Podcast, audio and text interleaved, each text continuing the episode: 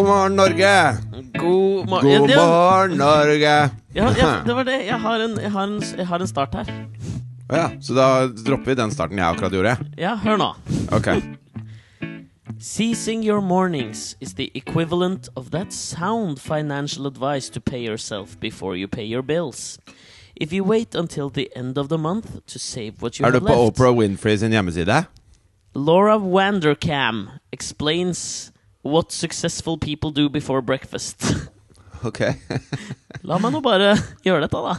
Jeg synes det var bedre når jeg sang God morgen, Norge. Jingle. If you wait until the end of the month to save what you have left, uh, what you have left, there will be nothing left over. Likewise, if you wait until the end of the day to do meaningful but not urgent things like exercise, pray, read, ponder how to advance your career, or record a podcast, or truly give your family family your best, it probably won't happen. Du, jeg sona litt ut underveis. Var det spennende det du leste nå? Det var ganske spennende, ettersom det var Laura Wanderkams forklaring på hvordan du blir eh, suksessrik, og det er å gjøre ting tidlig. Så jeg det var vet liksom ikke hvem hun sånn er, jeg. Ikke jeg heller, men det var liksom en slags spoof på at klokka ikke er noe Altså, klokka er ikke nok til at jeg fungerer. Klokka er sju. Vi sitter i hvert vårt land med hver vår kopp med kaffe. Oslo calling! Jeg har faktisk en sånn utrolig økologisk eh, frokost fra dette fantastiske hotellet jeg bor på. Økologisk frokost. Alt er veldig økologisk. Og, og godt, altså. Hva er det du spiser til frokost, da? Det er egg og bacon og noe fetaost og litt sånn ostestrimler og, Jeg og det, jeg som, jeg som er allergisk mot stenfrukter. Når jeg er ute på reise, veldig veldig vanskelig å spise noe som ikke er en fettfullt frokost, hvis jeg bor på hoteller.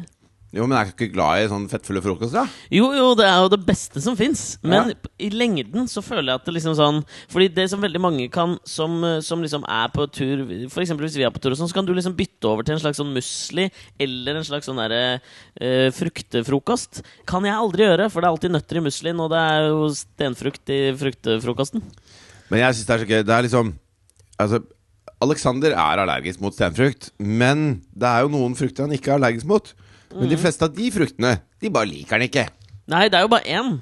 Ja, men det er omtrent bare den du tåler, er det ikke det? Bananorama ding-dong. Jeg takler ikke banan etter at jeg som treåring spiste opp en hel Husker du eh, pålegget Banos? Ja. Jeg spiste jo opp en hel sånn boks da jeg var tre år, og kasta opp så det, det sang etter. Etter det så har liksom banan aldri tiltalt meg noe særlig. Du hadde litt samme forhold til banan da som du har til snus nå. ja, det er omtrent akkurat likt. Men um, jeg, jeg leste i avisa her nå Mm. Jeg liker å starte Jeg høres ut som en standup-komiker. jeg syns det er litt fett. Men det er noen, eh, noen sånne studenter i Tyskland som går på forskerskole. Jeg vet ikke hva det er, men det, de, er jo De forsker jo på en eller annen. Forskerskole føles Det er en sånn pleonasme. Hvis du liksom går på skole så høyt at du forsker, så er det per def en forskerskole. Altså, Ja, de, de går på forskning, tar master i forskning. eh, og så har, de laget en, så har de laget en bil som er på en måte formet som en kule som kjører bak frem, kan man si det sånn? ja, Altså at, at spissen er bakover, da. Ja, og, ok. og den butte enden er forover. Og så er den helt flat på toppen, og så er det en familiebil, så det er plass til, plass til fem stykker, og okay. bagasje. Og så er hele taket dekket av solcellepaneler. Ok. Og det som er forskjellen på den bilen her og andre biler, er jo det at hele taket er dekket av solcellepaneler. er det jeg akkurat sa.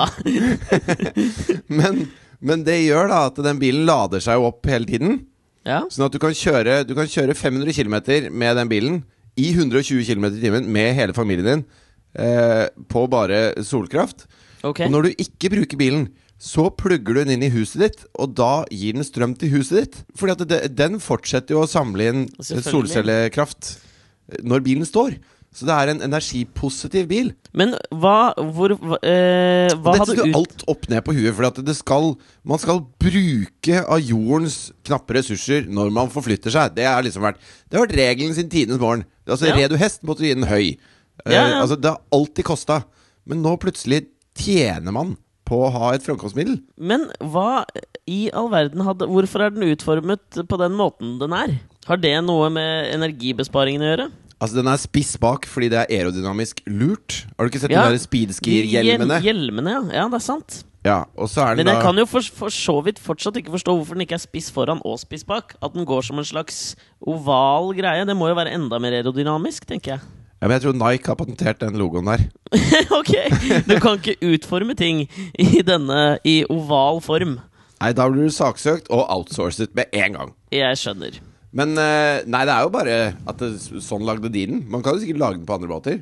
Og så okay, vil du, men- ha, du vil jo ha veldig stor, flat overflate. Så den er ikke, den er ikke utrolig lekker. Dere kan google den. Eh, Stella heter den. Stella Solar Powered Car. Men hvem var det som hadde produsert dette, sa du? Nei, foreløpig så er det veldig på, på teststadiet. Det er noen noen studenter i Tyskland Ok. som har produsert det.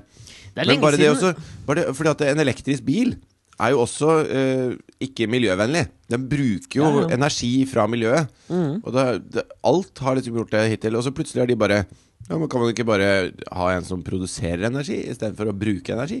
Er Altså, når, ikke sant? Det, det der føler jeg Det der er um... Det er framtida, mann! Det er framtida! Ja, det er liksom lakmustesten på om du har gjort en god oppdagelse, er når du tenker sånn Eller i hvert fall når jeg får den tanken sånn Hvorfor i all verden har ingen tenkt på det der før? Selvfølgelig kan du ha solcellepanel på en bil. og det er da jeg tenker at det der forskningsstudiet, det er jo egentlig bare tull. Ja, det har du, det har du helt rett i. Ja, Det er ikke noe vits å studere det å forske. Du må bare komme på en jævla god idé. Men jeg tror poenget her er at det er ikke så veldig mange som studerer det å forske. Du har sikkert noen metodologiske fag. Ifølge, men ifølge meg nå, så, så går de på forskerskole. Disse tyske liksom, studentene. jeg føler at det er ekvivalenten til sånn der, at du har hørt om sånn at jeg går på magikerskole. Det føler jeg er det samme som forskerskolen og magikerskolen ligger, ligger ved siden av hverandre. Ja, men jeg tror de gjør det. Hogwarts ligger også i Tyskland. Ja. Den gjør det, eller? Apropos det, nå begynner det å bli ganske lenge siden tyskerne eh, på en måte kom med noe banebrytende til verden. Er det ikke det? Er det ikke på høy tid at er for tidlig å spøke med andre verdenskrig, Alex. Det er altfor tidlig. det var ikke Det er det forrige banebrytende de kom med. Det er altfor tidlig. Ok, sorry. Tusen!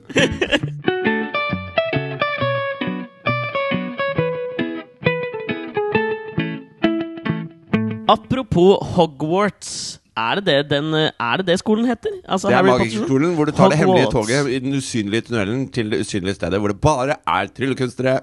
det høres så teit ut når du kaller dem tryllekunstnere. Det er jo det de er. Ja, det er jo nettopp det de er. Men du, Nei, de er leste... trollmenn. Trollmenn er de. Trollmenn er det jo. Du, jeg leste en eh, Jeg leste at hun JK Rowling Er det Rowling det uttales, eller tror det er Rowling? Rowling. Rowling. Men hun er jo Ja. britisk, er hun ikke? Jo. Uansett. Jeg leste at hun hadde gitt ut en eh, krimroman nå, eh, under et pseudonym. Robert Galbraith.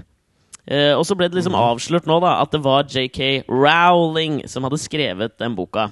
Da begynte jeg å tenke på det derre Det å gjøre ting anonymt i 2013 Føler jeg liksom Før i tiden så kunne man liksom gjøre ting anonymt av en slags sånn filantropisk ånd. Uh, man kunne donere penger anonymt. Men jeg merker jeg, jeg, jeg mista helt respekten for eh, anonyme donors og, an og folk som skriver under pseudonymer og sånn. Jeg føler at det bare er en slags sånn en gimmick, fordi du vet at på et eller annet tidspunkt i 2013, med overvåkningssystemet vi har nå, så vil du uansett bli oppdaget. Og da vil det føles for resten Ja, for den hadde jo- av den hadde jo bare vært ute i to sånn dager hun før hun ble skriver under pseudonym nå, ikke sant? Så, folk tenkte hm, hvem er han fyren her? Skriver veldig bra. Og så kjører de, så de kjører all teksten gjennom sånn derre, eh, en eller annen sånn text recognition software-greier, og, yeah. og linker det opp mot masse forfattere, og så finner du ut at dette er JK Rowling og samme agenten, og så er du busta to dager etterpå. Ja, og det er dette her jeg mener. Altså, jeg kan, jeg kan skjønne at Bronte-søstrene for 100 år siden skrev under pseudonymer.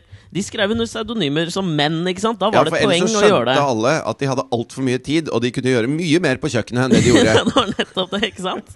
Eh, men jeg tror liksom JK Row Rowling er vel vitende at noen kommer til å oppdage dette her. Hun vet at disse programmene eksisterer, og da fremstår hun etterpå, når det er oppdaget, som en slags sånn Å, herregud, hun vil ikke surfe på den tidligere bølgen av suksess. Hun vil ha Hun vil starte med blanke ark. Og Nei, fy faen, jeg, synes, jeg, jeg, jeg kjøper det ikke lenger, liksom. Jeg, jeg skjønner hva du mener, men Ja? jeg tror helt oppriktig at hun var så redd for at alle skulle Alle, alle forventer seg noe Tore Torell-drit fra henne. Altså noen Ja. trollmanngreier. Sånn at når hun da skriver en krim, så tror jeg at hun bare Vet du hva, jeg orker ikke å bli slakta fordi det ikke er nok en Harry Potter-bok jeg skriver, for alle vil Ja, ha, egentlig ha det.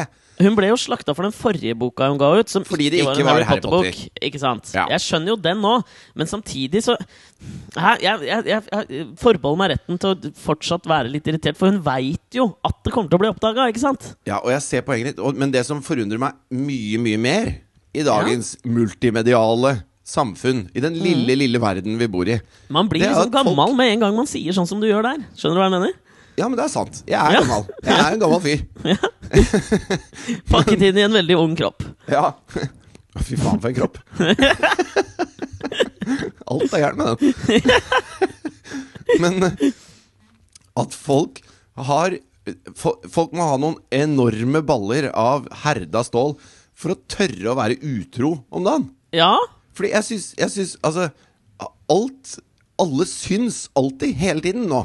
Altså det er sånn eh, Etter Jeg er nede i Danmark og spiller inn Kakekrigen nå, så jeg sitter i København. Og så eh, bestiller vi taxi. Kommer det en dansk fyr, plukker oss opp i studio og skal kjøre oss til hotellet. Og så, og så sitter vi og prater om kaker, da. Jeg og dommerne og produsenten og gjengen, liksom. Er, eh, er taxiyrket befengt med det samme fortegnet i Danmark som det er i Norge? Jeg sikter altså til Er det mye Nå uttaler du eh, deg veldig klønete. bindestreksdansker som er taxisjåfører i Danmark òg? Ja, det er det nok. Er det, altså, hva er det som trekker eh, på en måte innvandrere til det yrket? Nei, kanskje de har god husk. Ja, la jeg kjøper det. ok. Ja. Um, men i hvert fall så sitter han her, og så sier han at uh, Min kone, hun er uh, cupcake champion. Hæ? Fra hvor da? Nei, altså, så begynte vi å spørre, da, så viste det seg at hun er helt sånn cupcake-fantast. Og hun har da meldt seg på Kakekrigen i Danmark. Ok. Ikke sant? Så plutselig har man da en, en kjempesterk link til en fyr du aldri har møtt før. Ja. Og sånn syns jeg jeg opplever hele tiden. Og, og derfor, at noen tør å gå ut og stå på et utested og så bare uh, 'Hallo, søta', til en de ikke vet hvem er. Og så står det masse andre mennesker der, og så, og så Altså, man, hvis folk har baller Jeg har ikke baller til det der. Jeg har ikke lyst til det heller, men, eh, men jeg skjønner ikke at folk tør. Nei, ikke jeg heller. Men jeg, jeg liker at du liksom, altså at du lar deg overraske over at folk, folk tør å være utro. Det har liksom skjedd lenge. Jo, jo, men jeg, jeg, altså før, før mobiltelefon, da. CIA-sjefen turte å være utro, liksom. Ja, Og han derre Patreus. Ja, ja. Han var jo ikke CIA-sjef, akkurat. Nei, han men var en, en general og satt høyt oppe i American Intelligence. Men det høres mye bedre ut hvis du sier sjef. Ok, lyv litt du, da. Sjefen for folk, CIA. jeg skjønner ikke at folk tør å pynte på historier i vår multimediale tidsalder. Nei, de blir ferska med en gang. ja. Jo, men det jeg mener er at før, før mobiltelefon, da Den eneste måten å få tak i noen på, var, uh, var å ringe dem hjemme. Og hvis de ikke var der, så hadde du ikke peiling. Du ante ikke hvor de var. Nei, sant? Og, og man hadde ikke sett bilder av um, noen hvis man ikke hadde vært hjemme hos bestemoren deres og bladd i fotoalbumet. Så man visste ikke hvem noen var. Så hvis du bare tok bussen i ti minutter da, så var det bare fremmede der. Og ingen av de visste hvem du var, eller noen ting om deg. eller noen ting Så da skjønner jeg på liksom For 50 år siden så skjønner jeg at folk pulte rundt som kaniner. Og at de trengte religion for å holde dem i sjakk. Ja. Men nå Folk er klin gærne. Mener du at religion har utspilt sin rolle Ja, det er helt ferdig. Instagram har overtatt. Jeg trenger ikke religion mer nå.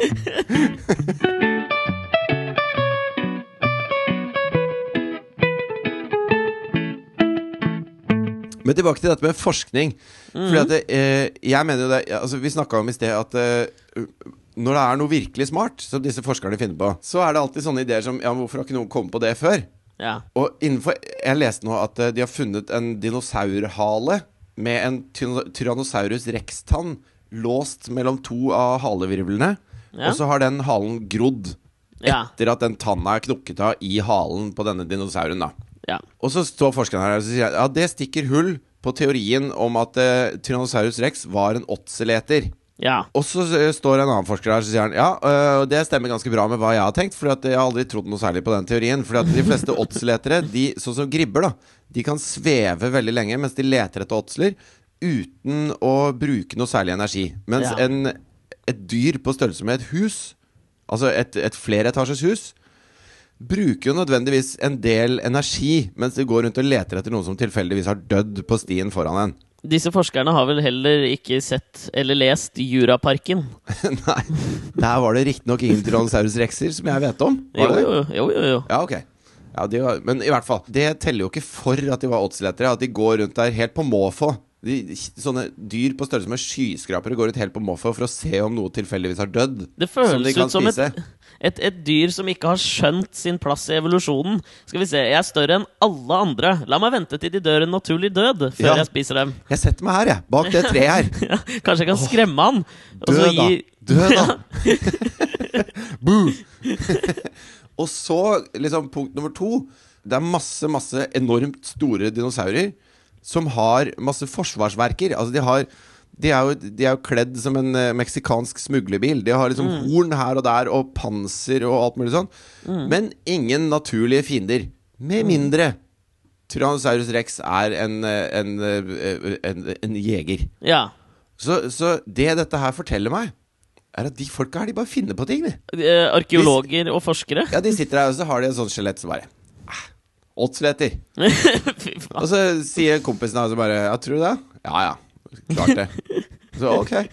Og så finner de en sånn tann, så bare Nei, ikke oddsletter. Nei, men da sier vi at ingen av oss har trodd på det i det hele tatt. eh, Fordi det, det blir så teit hvis vi har trodd Ja, vi sier det. Ok. Da er det sånn. Er det, kan denne, din aversjon mot forskere, ha noe å gjøre med ditt sånt uh, akademikerkompleks? Nei, men de er, de er uh, Altså, de som, de som driver og forsker på utdødde dyr, Ja? de er Akkurat som plateanmeldere er mislykkede Musikere. så er disse her mislykkede plateanmeldere. De anmelder noen som ikke kan kjefte tilbake igjen. De er helt bedritne. Men tror, du, du bør vel legge en verdi i Altså, jeg har den, den siste, den siste, De siste dagene så har jeg sittet og fas, fascinert meg i en fyr som heter Henry Rollins. Du vet han gamle vokalisten i Black Flag? Ja. Dette hardcore punkbandet som kom ut fra California på 70, slutten av 70-, starten av 80-tallet, vel? Ja. Uh, og han jeg så et intervju med han uh, og Pharrell Williams Pharrell Williams fra Nerd som intervjua han Henry Rollins. Og han mente det at uh, hvis du skulle forstå hvordan ting foregår nå, så måtte du ha en dyp forståelse av hvordan ting var før. Og det er vel litt det, dette disse arkeologene og forskerne sikkert mener. Da, at hvis vi skal forstå hvordan, hvorfor vi er sånn vi er nå, og hvordan vi skal bli videre, så er det liksom viktig å forstå hvordan vi har blitt sånn vi har blitt nå. Ja, det er jeg veldig enig i, men da må vi ha noen flinkere folk. fordi at det, fordi at de kan jo ikke komme og bare finne en tann og så bare Du, det vi tenkte før, det er helt feil. Og det er masse andre grunner til at det er feil, det vi tenkte før også. Da burde du ha kommet på før at det var feil, da. Det er det jeg prøver å si. Jo, men altså, jeg tenker jo sånn Folk trodde jo at jorda var rund, helt til vi liksom fant bevisene for at det ikke var det. Det er jo en kumulativ prosess, er det ikke Ja, da fikk vi endelig en smarting da, som skjønte at det ikke var det. Og han smartingen kunne vi gjerne hatt tidligere for min del. Vi trenger noen smartinger nå. Med en gang.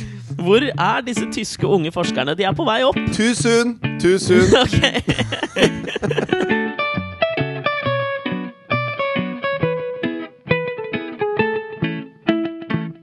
Apropos Henry Rollins og Black Flag og dette som jeg var inne på nå. Ja.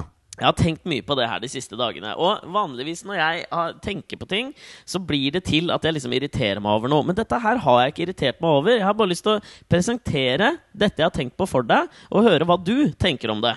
Jeg synes det er deilig at det er noe du ikke irriterer deg over. Jeg. Ja, nei, jeg irriterer meg ikke over det. Vi har aldri, du vet at Jeg er ikke så veldig glad i type sånn hardcore musikk, eller metal-musikk, eller noe sånt noe. Men nå har jeg litt, eh, fått en liten hangup på han Henry Rollins. Men du kommer altså inn eh, på Altså Det er på basis av noe han har sagt, og så liker du fyren, og da kan du høre på musikken hans. Ja, men det og så tror jeg lærer du å like musikken. Ja, men jeg har funnet ut Jeg liker fortsatt ikke musikken. Nå jeg, jeg, så jeg, har jeg sett massevis av intervjuer med Henry Rollins, og så gikk jeg inn på Spotify og begynte å høre litt på Black Flag. For da tenkte jeg nå har jeg det positive fortegnet inn i denne opplevelsen jeg skal ha av musikken. Men fortsatt liker bare én låt av Black Flag. Det er sånn som når jeg leste uh, The Dirt med Mutley Crew. Og jeg har hørt Ja. Mötley Crüe mange ganger, og det er et møkkaband, liksom. Og så Ja. leste jeg The Dirt, som jo er en fantastisk underholdende bok. Ja, den er, er, helt kul. sjef. Neil Strauss. Og når jeg hadde lest den, så var jeg overbevist om at jeg selv om jeg visste at jeg ikke likte Mötley Crüe, så måtte jeg jo like Mötley Crüe, for dette her er jo så gøy. Ja. Og så hører jeg på Mötley Crüe en gang til, og så finner jeg ut at nei, det er fortsatt ikke bra. Ja, det er litt sånn jeg har nå. Men det jeg har fascinert meg over med denne Henry Rollins Han er jo blitt en middelaldrende mann nå. Eh, og så satt jeg og så på da dette intervjuet som eh, det ligger Men en relativt veltrent, nedtatta, dritkul middelaldrende mann. Ja, og det er det her jeg skal komme til. Jeg bare syns det er morsomt også når art artister intervjuer artister. Det er gøy når sånne eh, yrkesgrupper på en måte intervjuer hverandre. Så får jeg en sånn følelse at de liksom skal relatere seg til og opphøye sin egen yrkesgruppes status. Eksempel. Han Henry Rollins, i et svar som han gir til et spørsmål han Pharrell stiller, da, så sier han sånn «Øh, Og jeg er jo ikke et geni. I'm not a genius. Og så øh, liksom hever Pharrell øyebrynene, og så sier han sånn I beg to differ. Og så har han liksom Han er ikke et geni. Han er en godt belest middelaldrende mann, men noe geni er han ikke.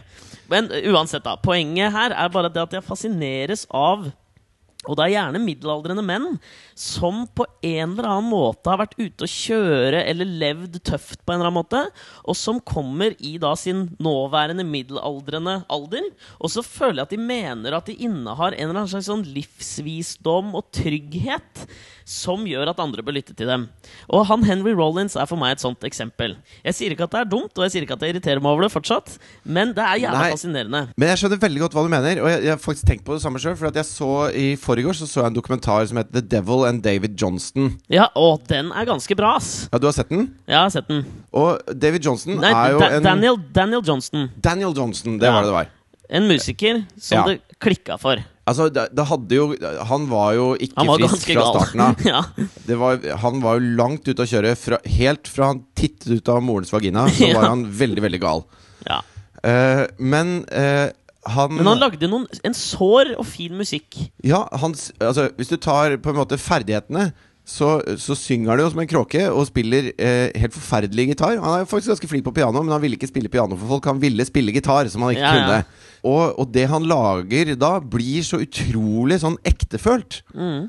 Og det er sånn når jeg sitter og ser på han, så eh, Hvis jeg ikke hadde sett det midt i den dokumentarfilmen, men hvis jeg bare hadde skrudd på radioen, så hørte han Ja. så hadde jeg liksom tenkt Å, herregud, få av det dritet her. Men fordi det er så innmari mye inni han Han kjemper mot en sånn Altså, han er jo gal, så han tror at djevelen er der. Og en sånn at han må slåss mot djevelen, og han blir frelst, og det, er, og det går opp og ned og til helvete. Og folk hører jo den musikken hans, og, og det, er så, det er så ekte, da.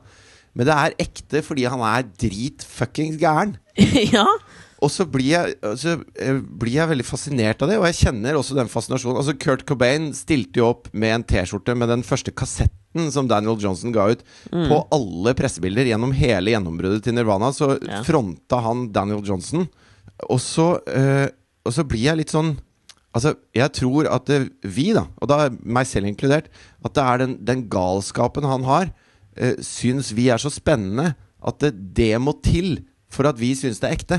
Det er ikke ekte lenger med en, en vanlig fyr med noen vanlige problemer. Eller en fyr som har tenkt seg nøye gjennom. Fyr eller dame, da. Hen. Som har Mhm. tenkt seg nøye gjennom, og så, og så kjent på de tingene som kanskje er vonde i ens eget liv. Og så kommer med det fordi at det, fordi jeg har også vært blide en gang. Og hvis du har Ja. vært blid en gang, så ekskluderes du automatisk. Du må ha Ja. hatt det utelukkende jævlig i minimum en noen årsperiode. Sånn som du har hvis du går på heroin, f.eks., så har du det helt fuckings bedriten. Bortsett fra når du er høy, da, selvfølgelig. Ehm, og, og livet ditt er ødelagt, og da får du lov til å uttale deg. Hvis du bare har gode dager og dårlige dager, så holder det ikke. Nei, jeg skal videre. Jeg, vi må videre på dette. her. Jeg skjønner nøyaktig hva du mener. Jeg må bare ta en ganske stor omvei før vi kommer tilbake til dette her. Heng med på dette. Ok. Fordi du brukte ordet 'hen'.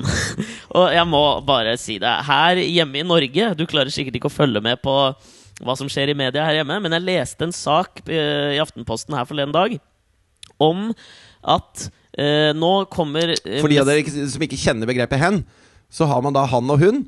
Ja. Men når man skal si at uh, f.eks. vi søker en ny medarbeider til lageret på Kiwi, så istedenfor å da skrive 'han må være' eller 'hun må være', så kan man skrive 'hen må være'.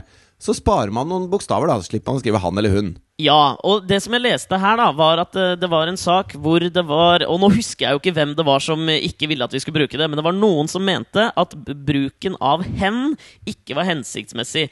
fordi ord ikke hadde den betydningen til å definere noe. Og så hadde de intervjuet eh, ganske mange Altså De hadde intervjuet annet selvfølgelig den eneste go to-transvisitten vi har i Norge, Espen Ester Pirelli Benstad.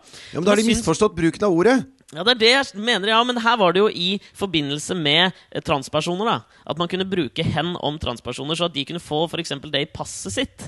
At det sto eh, ikke mannlig eller hundelig kjønn, men at det, kunne, at det sto hen. da? Sa jeg det? Man, mannlig eller hundelig? ok.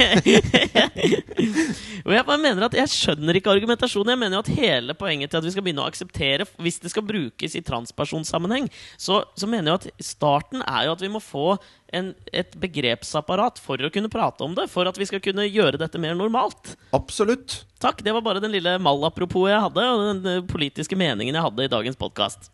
Enig med deg. La meg gå tilbake da til dette med Henry Rollins. For vi er på samme bølge her. Men det jeg har Henry Rollins. no pun intended. Det som også har fascinert meg i dette her, det er og akkurat det samme som med Russell Brand. Som du sier, sånne folk som har vært uh, heroinmisbrukere og sånn, får plutselig en slags opphøyd status når du kommer ut av det. Men det jeg lurer på, det er når denne perioden med at de liksom skal være så opplyste kommer. Fordi da jeg begynte å se på intervjuer bakover i tid da med Henry Rollins. Så så jeg et intervju fra da når liksom Black Flag var på, helt på høyden. Kanskje sånn på starten av 80-tallet, 81 eller 82 eller sånt. Ja.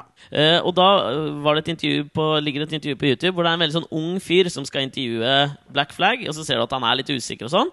Ja, det hadde da- også vært med berga en fyr som Henry Rollins er. Jo, men han var, han var jo ikke så svær da. Da var han liksom bare eh, litt mer som Brad Pitt i Fight Club, som jo er den generiske referansen til en veltrent, men ikke bulky dude.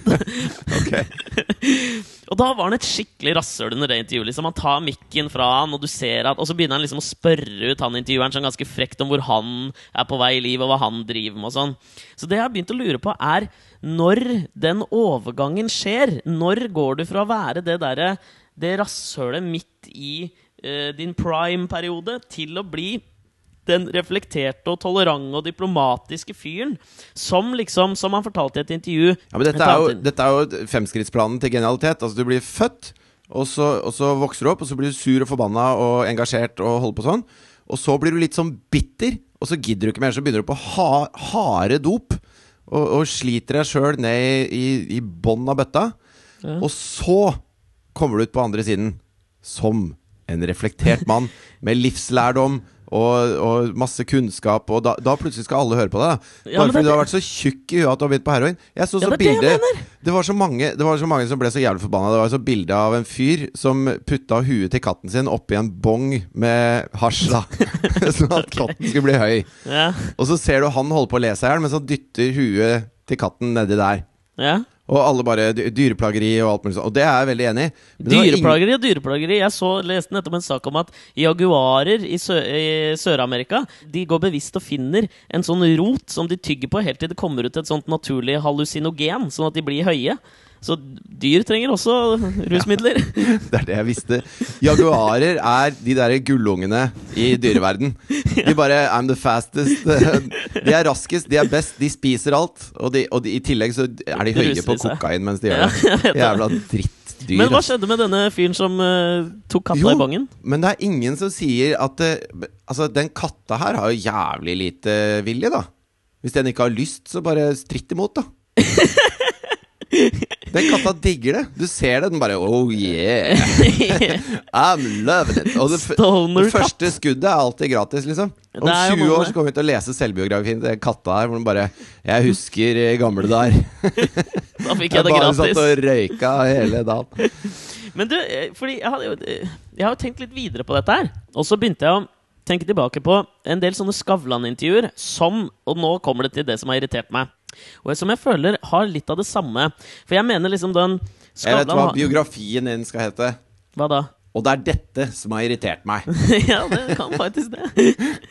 jo, fordi jeg føler Der har det vært sånn derre Han har en sånn Og jeg er så redd for å bruke ordet nå, fordi vi har prata så mye om det. Men han har en sånn generisk gjest som jeg mener liksom passer inn i Skavlan-universet. En Og hvem som helst. Eh, ja, men det er en spesifikk type som jeg mener liksom sånn Det er liksom den perfekte Skavlan-gjesten.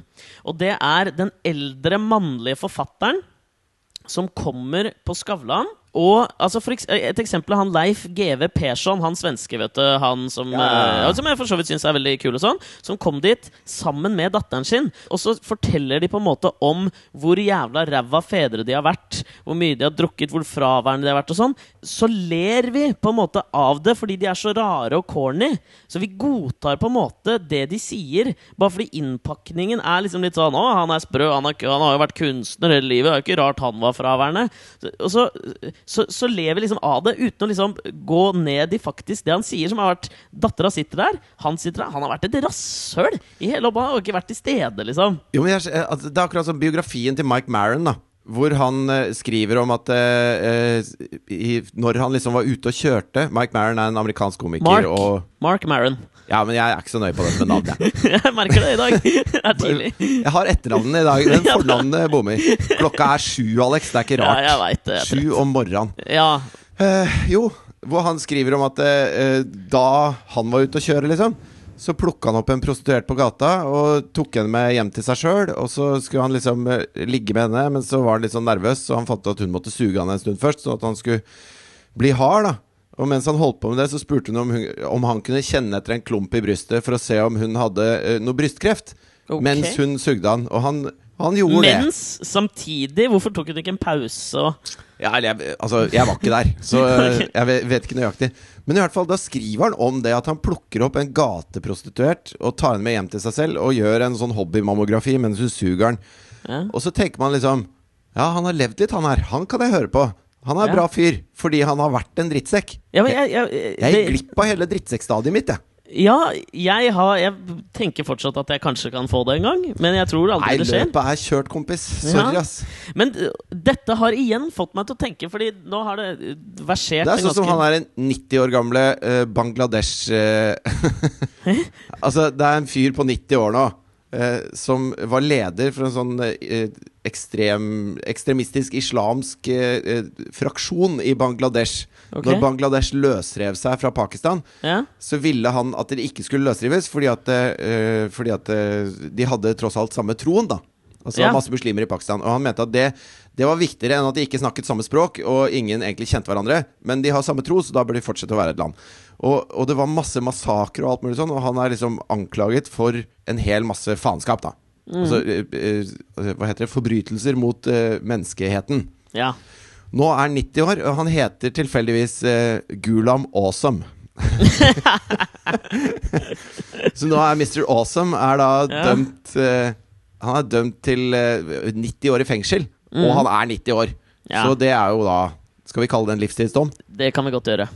Hvor- dette er veldig lenge siden. Og dette var kanskje hans sånn derre uh, Henry Rollins uh, 'nå er jeg drittsekk'-periode. Kanskje det er blitt en snill gammel mann, Mr. Awesome. Ja, fordi jeg har tenkt på at uh, Nå så jeg at sykkelpresidenten i Norge, han Harald Tidemann Hansen, raste mot Bislett Games og Steinar Hoen etter at Asafa Powell og han Tyson Gay, tror jeg det var, ble altså de ble tatt for doping, ikke sant? Ja. Hvor Bislett Games har en sånn periode hvor de har satt liksom Folk som begår dopingforbrytelser, som får en, altså, som får en sånn um, utestengelsesperiode på inntil to år, dit kan vi ta inn i Bislett Games etterpå.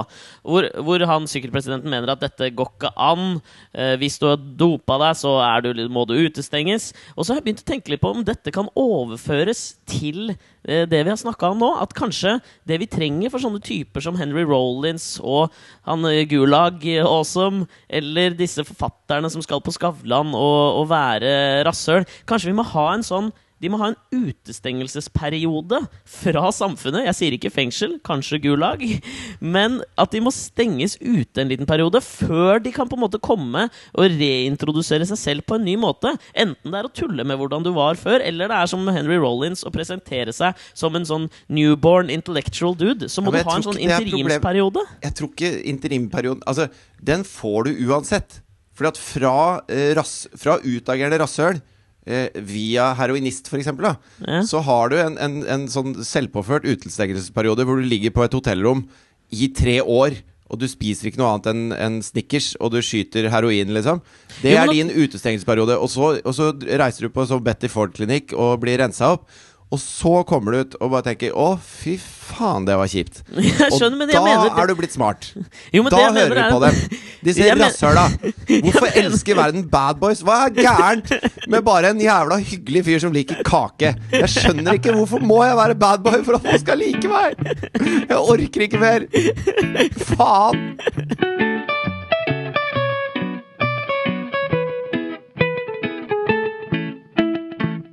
Men du, Mr. Awesome. Ja. Jeg bare elsker at han heter Mr. Awesome. Ja, han er- hater Amerika, så heter han Mr. Awesome. Awesome. KTVU. Det er en TV-kanal i USA.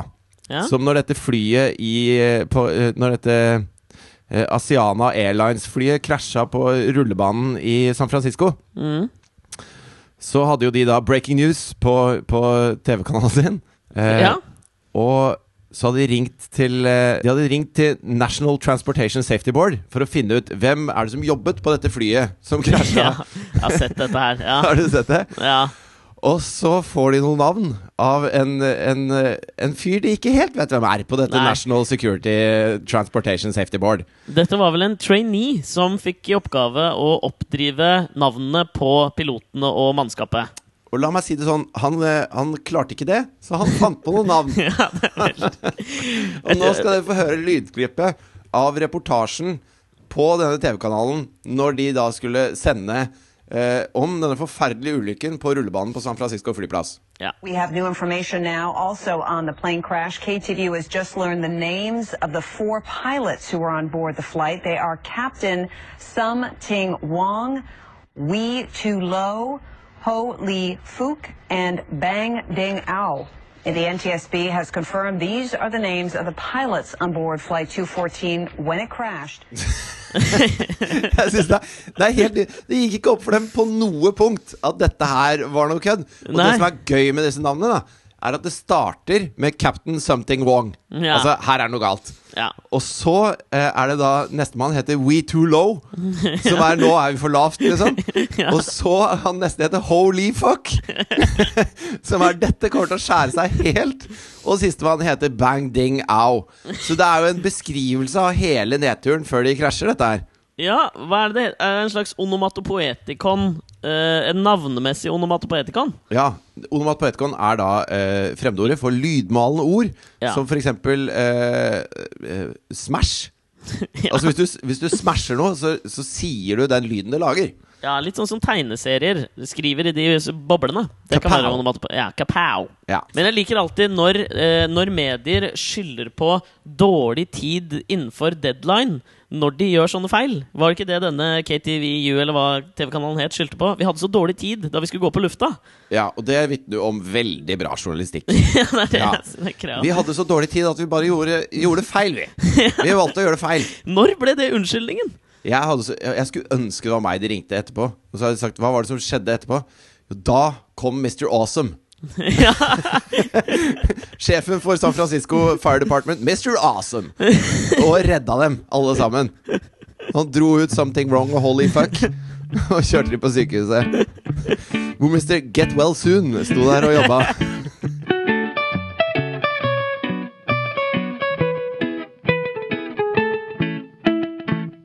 Jeg har aldri vært så opptatt av kjendisnyheter. Men Ryan Gosling har vært på Island. Har du fått med deg det, eller? Nei, det har jeg dessverre ikke fått med meg. Hvorfor har han vært der?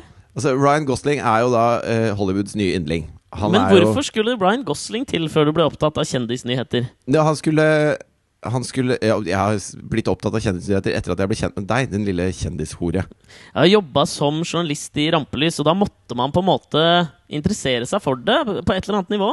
Og når jeg ble kjent med deg for første gang, så satt jo vi i en buss i tre måneder i strekk, og alt du snakket om, var hva disse kjendisene gjorde. Så da fikk Nei. jeg en sånn Det der er I beg to differ, ass! Ja, det var ofte sånn Å ja, nei, du vet ikke hvem det er, ja. Den hørte jeg liksom eh, konstant i tre måneder, Jo, fordi jeg ikke leser jeg her ha- og, her og Nei, nå. det gjør ikke jeg heller, men nå skal jeg faen meg forsvare Jo, meg. Og det er at du meg. Nei, det, har jeg, det er helt alvorlig Hver gang jeg kommer med en kjendisnyhet, så er det sånn Ja, det stemmer, det. Og hun var forresten Visste du at det- hun bare går i Prada-vesker? Jo, men her mener jeg bare at det er et etterslep fra tiden som rampelysjournalist. Men det jeg mener er at det skal ikke så innmari mye til. Jeg tror, ikke, jeg tror ikke man trenger å vite så innmari mye om bare offentlige figurer for å vite mer enn deg. For du husker jo ingen navn! Nei, men jeg jobber med saken. Ryan Gosling. Han er altså Han reiste til Island for å promotere sin nye eh, film som han har regissert, som heter How to Catch a Monster. Ja. Og så uh, uh, står det der i avisen Ryan Gosling kommer til Island. Det er stor nyhet, for han er jo en av de største stjernene i Hollywood om dagen. Og Jeg liker at du med overbevisning kan smelle den i bordet. Det står det i artikkelen jeg leser her nå. og da visste jo alle at han kom, og så plutselig kommer det en nyhetsartikkel sånn Ryan Gosling er sett her og der. Ja. Og, så, og så er det bilde av han og alt mulig, hvor han er da ser jævlig shabby ut og shopper et eller annet sted. Ja. Men så viser det seg at det er ikke Ryan Gosling. Det er bare en vanlig islandsk fyr som ligner på Ryan Gosling. Og så viser det seg at det er ikke bare han som ligner på Ryan Gosling. Så Ryan Gosling blir sett overalt. Fordi at det er når Ryan Gosling kommer til Island, at de finner ut at halvparten av alle mennene på Island er jo prikk like Ryan Gosling. det er sånn de ser ut på Island. Så Ja. de fant jo faen ikke Ryan Gosling omtrent, bare fordi alle så ut som han. Og det er en del bilder her, jeg skal legge ut et par av de bildene. Og de er jo faen meg helt prikk like. Men dette, jeg, jeg har Når du sier det, så tenker jeg liksom at Island må vel være en av de landene i verden hvor det må være tryggest for type sånne svære Hollywood-celebs å reise. Og samtidig slippe unna paparazzoer og innpåslitne journalister. Jeg føler at det ikke fins et sånt miljø på Island. Eller øh, har du den samme viben?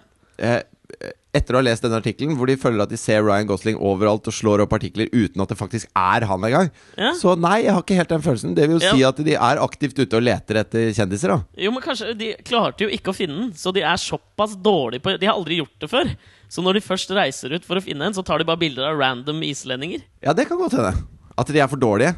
Jeg var jo Jeg skulle være sånn Jeg skulle være kjendisreporter på eh, Når jeg jobba på TV 2. Så ble Ja. jeg sendt til Hit Awards i Oslo Spektrum, og skulle jeg stå backstage der og være kjendisreporter. En prisutdeling som vel aldri øh, fikk fotfeste, kan vi vel si. Og med god grunn, fordi at Ja. uh, Hit Awards skulle da gi priser til de som ble spilt mest på radio. Mm. Og den, de som velger hvem som blir spilt på radio, er jo musikksjefene på de henholdsvis syv største radiokanalene i Norge. Og det vil si at det er syv mennesker som egentlig har bestemt hvem som får denne prisen. Og da er det jo ikke en sånn folkets pris, og da er det vanskelig for folket å engasjere seg så innmari, da. Eh, Ja, jo. Men samtidig så hører jo folk på radio, og man får jo da den inn hele tida. Den ene låta, liksom. Ja, men da rart føler jeg at det, det får være prisen de syv menneskene gir til seg selv. At, eh, at de får lov til å indoktrinere det norske folk med den musikken som de har lyst til at det norske folk skal høre på. De skal ha en pris for det i tillegg. Det blir Ja, litt uh, vi trenger ikke leie Oslo Spektrum for å gi en pris til de folka som de har valgt allerede, og så tyta øra våre fulle av. Ja, Se hvor flinke vi har vært til å indok indoktrinere dere. Ikke sant? Eh, så, men i hvert fall så sto jeg backstage der, og jeg visste jo ærlig talt ikke hvem noen var. Og det er jo et problem når du skal drive og intervjue disse kjendisene. Så det første jeg gjorde, var å gjøre et kvartersintervju med to frisører som skulle style disse artistene. og det var jo jævlig pinlig når jeg, jeg hadde snakka om sånn Ja, øh, har du gleda deg til denne kvelden? Og de bare Ja, dette blir kjempesvært, og jeg gleder meg kjempemasse og sånn. Ja, dere er veldig fine i dag. Ja takk, vi har pynta oss, og Og masse sånne spørsmål, da. Altså helt sånn Ja, men øh, så jeg syns det er flaut, ikke sant? Fordi jeg må til slutt spørre Men øh, hvem faen er dere egentlig? Ja. Og så sier de nei, vi, vi jobber som frisører, vi skal style artistene før de går på scenen. Og så bare ah, fuck meg, liksom. ja. Og så, øh, og så står jeg ved siden av øh, Så finner jeg ut da at jeg må stille meg ved sceneinngangen. For der kommer jo artistene når de skal gå på scenen. Og der er det stor TV. Og så ser jeg da eh, programlederen står der og bare Ja, og beste kvinnelige artist. Og så står jeg ved siden av en sånn engelsk dame. Du ber ikke det med meg. Og så står vi og følger med på den TV-en. Og er Melanie B! Melanie så- C. Ja, ok, Melanie C. What the fuck? Og så sier hun jeg står ved siden av, har stått ved siden av i et kvarter, sier sånn Yay! Og så løper hun på scenen, da. Og jeg bare Au! Det- Her underbygger du bare mitt poeng med at liksom sånn Jeg du trenger, ikke å, ja, men du trenger ikke å finlese Se og Hør og Her og Nå for å vite hvem en av fem av de største popstjernene på 90-tallet Spice, Les Spice Girls er. Altså Du står ved siden av en i Spice Girls i 15 minutter uten å gjenkjenne. Da føler jeg at jeg har midt på det tørre. ass Men hun var jævlig hyggelig. Vi snakka om hvor hun kom fra, og at jeg hadde bodd i London en stund, og vi hadde det kjempehyggelig. Men du tenkte aldri denne dama ser ut som en popstjerne? Ja. Hun så ikke ut som en popstjerne. Var vel alltid den stygge av Spice Girls, var hun ikke? Nei, det var Sporty Spice. Er ikke det Melanie Sia? Ja, Men det var ikke hun! Det var Melanie B! Jeg hadde rett navn! Det var hun mørke. Men Det var hun mørke! Åh, det var jeg syns, jeg vet du hva, Er du sikker på at det var henne? Vant hun beste kvinnelige artist? Hun Ja. var vel aldri ut noe soloalbum? gjorde ikke det? Var det ikke Melanie C som lagde alt den med Bryan Adams og alt mulig sånn? At det var da hun vant? Hei, du, nå syns jeg du skal google litt. Jeg husker jo om hun var Jeg, jeg husker dette som det var i går. Jo, men jeg trodde du var en type som ikke så hudfarge, men personlighet. Ja. Ja, det er jeg. Det stemmer helt.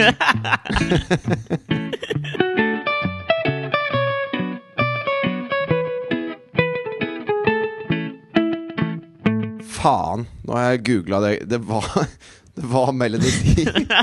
Hva skjer med huet mitt da? Jeg husker, jeg husker ingenting, jeg. Nei, jeg, jeg er blitt vant til det, altså. Jeg husker jo historier, men, men altså eh, Jeg pleier Altså- å si jeg er dårlig på navn. Jeg er faen meg dårlig på fjes òg. Jeg er Ja, dårlig men på altså- hudfarge, fjes, navn. Jeg er dårlig på alt. Jeg er dårlig på hudfarge. Hvordan Ja. kan man være dårlig på hudfarge? Se på meg. Sånn som jeg gjør det. Sånn er du dårlig på det. Jeg liker at eh, hittil i podkasten i dag så tror jeg vel Du har ikke sagt ett navn riktig.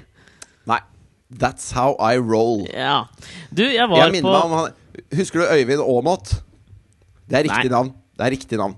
Ok, nei, det husker jeg ikke. Hvem er det? Eh, Han, han er jo fra, fra Bærum. Og så, og så reiste han til Kina sammen med noen kompiser. Hvem er dette her? Hvorfor hører jeg, Jeg om kommer til det. Hør nå. Ok. Og så, og så eh, bestemte han seg for å reise innover i Kina alene for å lete etter disse steppe-hestestammene som bor oppå Ja. slettene der oppe. Eh, og så mista han hukommelsen fullstendig. Altså han, Ja. våkna, han våkna på et tog og ante ingenting. Det er han det er laget en dokumentar om. kunne fire forskjellige språk, men han visste, han høre Han visste ikke at det var forskjellige språk. Så han snakket et slags sånn derre Han bare hadde tilfeldige ord fra alle de tilfeldige språkene hele tiden, for han klarte ikke å systematisere det. Et slags hukommelsestapets esperanto. Ja, det kan du si. Ja. Han snakka nynorsk. Hukommelsestap nynorsk. Det er ingen som egentlig snakker sånn, men han gjorde det. Men det er, Men- han der, det er han det er laget en sånn dokumentar om, er det ikke det? Jo, det er han det er laget dokumentar om. Uh, og han Jeg er litt sånn som han, jeg. Tydeligvis. Jeg bare Jeg mister alt. Det som er morsomt med han, da uh, Han hadde jo en sånn eh, oppvåkning hvor han lærte seg ting igjen. Mm. Og han huska jo ing Han huska ingenting. Så når han pussa tenna for første gang, så han hadde sett noen andre pusse tenna, og så tenkte han hm, det må jeg prøve. Og så, så, han, så fikk jeg en sånn friskhet i munnen som var utrolig digg. Jo, men tenk deg så deilig det er. Noen ganger så skulle jeg ønske at jeg fikk et sånt hukommelsestap for én dag. Fordi jeg føler at jo eldre man blir, jo mer kognitive evner får man. ikke sant? Så det å kunne oppleve ting for første gang Han hadde jo sex alder. for første gang, han. Han hadde Ja, sex men- for første gang igjen. Tenk deg det. det er liksom, altså, til en viss grad. Jeg vil ikke ha den der Groundhog Day-filmen hvor jeg starter på nytt hver morgen og husker det samme hver gang. Nei, for jeg liksom tror Bill kunne- Murray hadde det kjipt i den filmen. Altså. Ja, tror jeg, altså. Hva skjedde med Andy McDowell? Var ikke det Eh, hun het? Hun forbanna jævlige skuespilleren. Nei, det vet jeg ikke. Men i som fall... står for det jeg mener er tidenes dårligste replikk i filmhistorien. Husker du Fire bryllup på en gravferd? er Hvor hun var med. film. Grei film, men den har tidenes dårligste filmreplikk, hvor hun står og skal kysse Hugh Grant ute i regnet, og så sier han 'du blir våt', eller noe sånt. Oh, is it still raining? I hadn't noticed. Tidenes verste filmreplikk. Men uansett, da. Det, det jeg mener er at det kunne vært veldig deilig å bare oppleve ting. Altså, Du får smake kaffe for første gang, øl for første gang. Ja, Øl er kanskje ikke så godt, ei heller kaffe. Dårlige eksempler. Men sex, pusse tenner At du får oppleve det på nytt. Du får smake dumle for første gang. Dumle for første gang! Lenge siden jeg har tenkt på godteriet dumle. ass Ja. Men i hvert fall, Øyvind kom jo fra, uh, fra Bærum, og, og jeg var jo mye i Sandvika uh, i oppveksten. Så det var noen folk som var litt uh, Liksom som jeg kjente litt, som kjente han. da okay. Og tok han inn igjen i vennekretsen, og han kom tilbake og var som et lite, et lite uprøvd barn. Uh, Hadde vært gøy å fucka skikkelig med han. Og så... lært han opp på nytt til gale ting. Ja, for de prøvde jo å lære han opp til riktige ting. Og det hovedproblemet hans var jo når folk snakka om abstrakte ting. Altså okay. hvis, du, hvis du sa til han at Og det gikk meg hus forbi. Ja. Det skjønte han ingenting av. Liksom. Det, var he, det var helt det var, det var mental kryptonitt for han. Ja. Da bare smelta alt. Fordi at det, det gikk ikke noe hus forbi. Altså, han, han, skjønte ikke, han skjønte ikke å tenke abstrakt. Nei, nei. Og så da han har vært hjemme en stund, så hadde han leid seg en leilighet ute på Rykken. Og han bodde i en sånn sokkelleilighet. Og, og alle jo visste jo hvem han var. Han var jo han fyren som hadde mista hukommelsen i Kina. Rykkinn. Vestkantens østkant. Riktig? Ja, det er virkelig Det er the bad neighborhood of Ja. Bærum. Ja. Men, men i hvert fall så hadde Harald Eia er fra Rykkinn. Rykken. Ja, ikke sant? Der ser du hvor det kommer fra. Ja. Og, så, og så står han sammen med kompisene, og så er det en som forteller en vits, og så, og så ler alle sammen. Og, han sier, og så sto han der med skjegg i postkassa. Og hvis du har sett Øyvind, han har sånn langt, langt fippskjegg. For en jævla ræva vits som ender med, og så sto han der med skjegg i postkassa. Ja, men jeg tror det liksom underbygde poenget, da. Og Ja, okay. alle lo da. Og okay. så sto Øyvind der og skjønte ikke, skjønte ikke dette.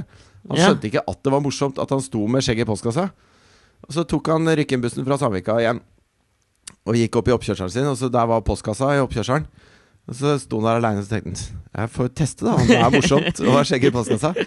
Og så tar han det lange skjegget sitt og legger det i postkassa og lukker lokket og står sånn litt sånn framoverbøyd ja. med skjegget i postkassa. Og så hører han bare sånn brølende latter fra annen etasje på den der kåken han leier. Hvor naboen ser han gærningen som har mista hukommelsen fra Kina, stå i oppkjørselen med skjegget i postkassa. Og så står Øyvind der og tenker sånn Ja, det er langt- tydeligvis morsomt det å ha skjegg i postkassa.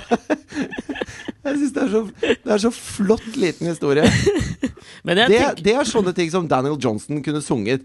Hvor, da, hvor det er så enkelt og så naivt og så deilig at vi skjønner det. Samtidig, det jeg sitter og bare tenker på, er jo hvordan kunne man formet en fyr som man kunne på en måte starte, på, starte med som baby, bare at han var 30 år?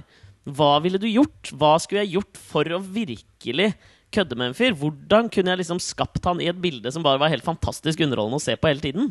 Jeg foreslår at du plukker opp en bok av han derre Mengele. han legen i Nazi-Tyskland som bare eksperimenterte vilt på mennesker.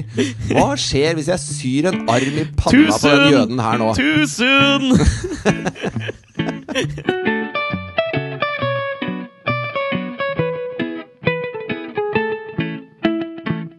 Men du, jeg hadde en, eh, en flau opplevelse her som jeg har lyst til å lufte litt med deg. Bokstavelig talt lufte, for det dreier seg om lukt. Ja, Altså, Du sier at du glemmer mye navn og ansikter og hudfarger, og sånn, men husker du lukt? jeg er ikke så bra på lukt. Ok? er ikke det din mest framtredende sans? Nei, jeg fordi ikke. jeg var ute her og tok noen øl med ei venninne. Så var vi på en bar nede i sentrum av Oslo by. Din gærning. Ja, det var ganske crazy. Og så eh, sitter vi da på, uteserveringen til denne baren som vi er på. Og så kjenner vi hun som jobber i baren, så vi liksom kan gå og spørre om å få en øl til. Og så kommer hun liksom ut med det. Så for å være litt hyggelig, så plukker jeg da med meg de to ølglassene som var tomme, når jeg skal gå inn for å gå på do. Og da måtte jeg på do eh, nummer to. Ja, altså bommelom. Jeg måtte bomme lomma. Jeg skjønner. Og det er jo noe man helst vil unngå å gjøre ute. Men det jeg gjør da er at jeg tar med meg de to glassene inn, så setter jeg dem på en måte på bardisken, og så er doen rett ved siden av. Og så skjer det skjebnesvangre i det øyeblikket da at hun bak baren spør idet jeg setter fra meg de glassene og skal gå inn på doen, så spør hun sånn Å, du, vil du ha to til? Og så sier jeg da «Eh, ja takk. Men så, idet jeg sier ja takk, så skjønner jeg at jeg må jo på do først. Før jeg kan komme tilbake for å betale for de to ølene. Ja, for det haster. Det haster. så okay. definitivt. Og så, når jeg setter meg ned der, så får jeg en slags sånn skamfølelse. Fordi da tenker Når jeg du sånn setter deg ned på doen. Ja. For da tenker jeg umiddelbart Nå kommer hun til å skjønne, fordi det tar lengre tid å gjøre nummer to enn nummer én. I hvert fall for gutter. Ja, Du kjenner igjen det, eller? ja. ja. ja. Uh, Jeg, jeg, ikke for meg. jeg Ferdig. Jeg driter som jeg nyser. Jeg bare, Nei. Oh, det hadde vært veldig deilig å kunne. ja. Bortsett fra altså, Det er fint at du har litt lengre forvarsel enn å ha på nys. Ja. At det ikke bare Og dette er ikke meningen å liksom dra dette ned i sånn underbuksetingen også, men jeg har tenkt så mye på det, fordi, fordi da får jeg den skamfølelsen om at nå vet hun at når jeg kommer ut derfra igjen, så har jeg bæsja. Ja. Og da, hvorfor får jeg den enorme skamfølelsen inni meg? Bare ved å gjøre noe som alle gjør, og som er helt naturlig. Det er fordi det er lukter vondt. Ja, men det, er, jeg har liksom, det er det eneste jeg kommer fram til, jeg òg. Men tiss lukter jo ikke noe godt, det heller, liksom. Jo, Hvis du drikker nok vann, så Ja. lukter det ikke noe særlig i det hele tatt. Asparges, not so much. Det er ikke så godt. Men jeg syns det er fascinerende at liksom Fordi jeg mener kanskje Altså, er en- av de få tabuene vi har igjen, er på en måte nummer toing. Det Jo, men- er et jo, men Det er ikke egentlig tabu, det er bare, det er bare privat. Altså Det er noe man har lyst til å ha for seg sjøl. Altså, alle, alle gjør det, selvfølgelig, men man trenger, man trenger ikke å, å rope det ut fra hustakene, liksom. Nei, men det er også sånn jeg merker nå, Fordi nå, nå har jo jeg da Jeg er i ferd med å flytte sammen sånn, med min Uansett hvor gammel man blir, Så hvis du, hvis du står sammen med noen, og så, og så sier de eh, 'Jeg skal bare gå og tisse litt tiss med tissen', ja, det, så er det gøy, liksom. Altså, alle ler, da. er Altså, er Bæsj, tiss og promp er liksom universalgøy, og det er fordi det er litt privat. ja, det er litt tabu, kan vi ikke si det? Litt tabu. Jo. Men Igjen mener til Daniel Johnson. Han synger om ting som er liksom for privat, og det er derfor vi liker det. Ja, Så kanskje hun egentlig likte liker deg litt når du satt og prøvde å bæsje så fort du kunne. Fordi du skulle ut og betale for de to ølene. Men du er ja, altså Jeg husker vi var på Liebling, som er en sånn kafé på Grünerløkka, og så Ja. sier du jeg, må, 'Jeg skal bare pisse'. Så Ja. går du inn på doen, og så svarer du meg Wordfeud. det er ingen som står og tisser og svarer i Wordfeud. Nei, det er ikke det. Så da Men- var du på en måte indirekte litt åpen med at du gjorde nummer to, da. Jo, men jeg tenker overfor liksom deg og for gutter og sånn, så er det på en måte ikke noe flaut. Og hvis jeg- det er så privat og pinlig, hvorfor tar du det opp i podkasten da? At du Ja, var og bæsja? Ja, fordi det, er, det fascinerer meg over at jeg blir flau over det. Og det er liksom det samme opplever jeg nå, fordi jeg er i ferd med å flytte sammen med kjæresten min. ikke sant? Hun skal flytte inn til meg her nå. Ja. Og det, det kommer et punkt i et forhold, antar jeg, hvor man på en eller annen måte må snakke åpent og være åpne om at nå har det skjedd noe inne på den doen som gjør at du ikke trenger å gå inn der på fem minutter, f.eks. Ja, eller i ditt tilfelle 25. Kanskje. Og jeg bare lurer på hvorfor altså Fordi nå syns jeg det fortsatt er litt sånn flaut at hun skal gå på do etter at jeg har liksom hatt verdenskrig nummer tre der inne. Det er én ting til som er på en måte eh, helt greit, og som alle gjør, men som, eh, som man ikke prater noe om. Dette og det er er jeg onani. Jeg føler at det er en helt annen liga. Altså, Jo, men det er, det er også, jeg er onanerer ikke tre- privat. ja, men jeg onanerer ikke tre ganger daglig, liksom. På offentlige steder, hjemme. Driter du tre ganger daglig? Jeg har en, ja, en rimelig god sånn Jeg veit når jeg skal det hver dag. Ok. Sånn som nå har klokka blitt liksom åtte, og jeg merker nå at min første, den er en halvtime overdue. Nei, jeg, jeg vil ikke vite det. Like lite som jeg vil vite når du onanerte sist. Jeg bare prøver å si at det er, det er også en sånn ting som man ikke snakker så høyt om. Nei, men det Og det er greit. Det er greit at vi ikke snakker så høyt om det. Ja, men er det det? Hvorfor skal det Jeg skjønner Altså, Onani skjønner jeg, for det har et litt sånn annet fortegn. Det handler er om en slags sånn, opphisselse. Ja. Men ja, det har jo det. Men du blir aldri liksom sånn Hello av å sweet drite. cheeks. Liksom. Ja, Til seg sjøl. Liksom. Det er Sweet cheeks er feil uh, kallenavn å bruke i denne sammenhengen, hvor vi prater om nummer toing og onanering. Ok, Ja. det er helt feil. Men jeg skjønner, jeg klarer fortsatt ikke å akseptere det. Altså, jeg tror jeg skal starte en ny, en, et nytt liv, jeg, hvor jeg omfavner og deler med meg det å gå på do som noe helt naturlig. Ja, men det kan ikke være helt naturlig uten at du omfavner det og må dele det. Er ikke det okay, greit? da. Kan ikke vi slippe, vi andre, resten av verden? Ok, da. Takk. Det setter jeg pris på.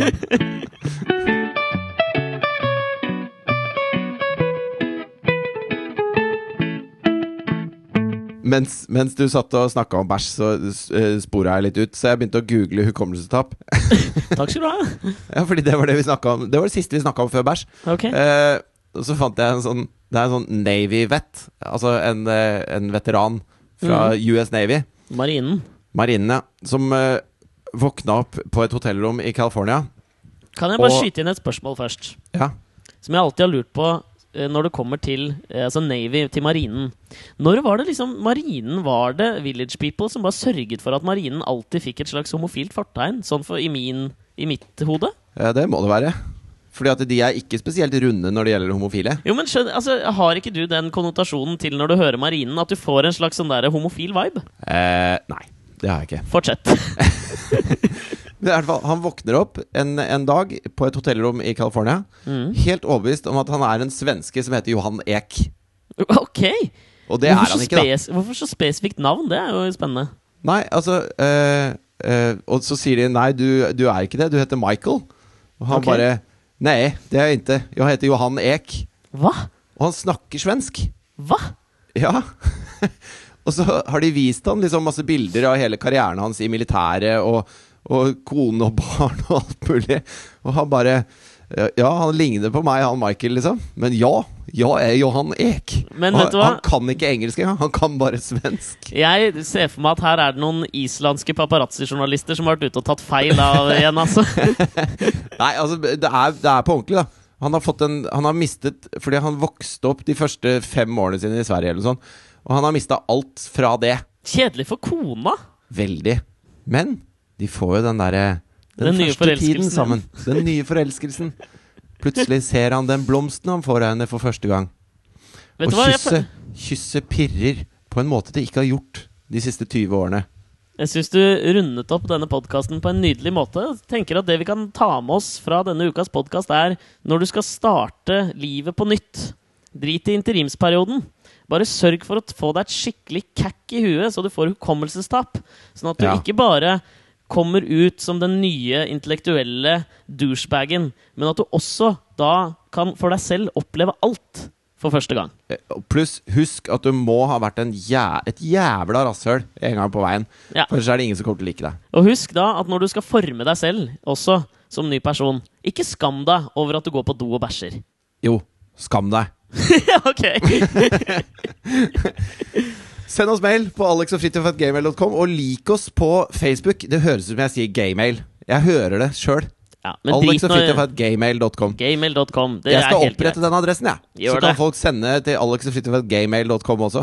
Ja, og ta bilder. Fortsett å ta bilder på Instagram og hashtag med Alex og Fridtjofs podkast. Jeg er inne og følger med. Syns det er grådig koselig å se at folk nyter denne auditive underholdningstimen i løpet av sine ferier. Og det skjer noen spennende ting framover. Eh, det kan Ja. vi komme tilbake til eh, senere. Men eh, allerede i august så begynner det å bli gøy, syns jeg. Ja, det begynner å bli veldig gøy. Jeg avslørte det for så vidt i et intervju jeg gjorde her forleden dag, som på Ja, som kom i går. Å ja. Men hva da? Jeg gjorde et sånt intervju med en sånn motenettside. Å, din fasjonista. Ah, ja, kan vi bare eh, ta en liten digresjon før vi slutter her, eller? Ja, Fordi gjør eh, det. Vi var i møte med VG. Vi skal, ja, nå sier jeg jo alt, da. Men eh, vi, skal, vi skal lage en liten sånn web-TV-serie for VGTV. Ikke si Også- liten, den er rimelig omfattende og flott. Ja, men skjermen er veldig liten. på Ja, Skjermen er mye mindre enn de vanlige TV-ene. Ja. Og så, og så sier de at eh, Nei, skal du fortelle det, da? Ja. og så sitter vi og prater med dem, og så sier de at eh, ja, for dette er mange andre ting vi også kunne tenkt oss at dere hjalp oss med. Eh, blant annet så har vi jo eh, Vi har Min Mote på, på, på VG. Som, men det er jo liksom bare eh, jentemote. Ja. Så vi tenkte kanskje at eh, dere kunne ha en sånn eh, moteblogg for gutter. Men oppfatta du interaksjonen der også? Det altså Ikke for å være Jeg følte han så på deg. Han så på meg da da om det! Og det, det er helt riktig. Det er ingen som ser på meg og tenker hm, kanskje han der kan starte en moteblogg. Men a meg. Hvis du får hukommelsestap noen gang, da skal jeg forme deg i mitt bilde som en motebloggende islandsk paparazzi-journalist. Da kan du jo bare si til meg at du, du har glemt å oppdatere motebloggen din. Og så sier jeg å, fy faen, ok, da, ja, nå. Gmail.com, motebloggen din. Så send oss mail på, på mannebloggen at, uh, at Gmail.com. Ja, det må vi. Nei. Vi høres neste uke. Da er jeg på Kreta på min ene ferieuke. Det gleder jeg meg til. ass Og jeg er på Costa del Sol og ligger og nipper til noen drinker ved bassenget. Deilig. Vi snakkes om en uke, Nilsen. Ha det! Adjø.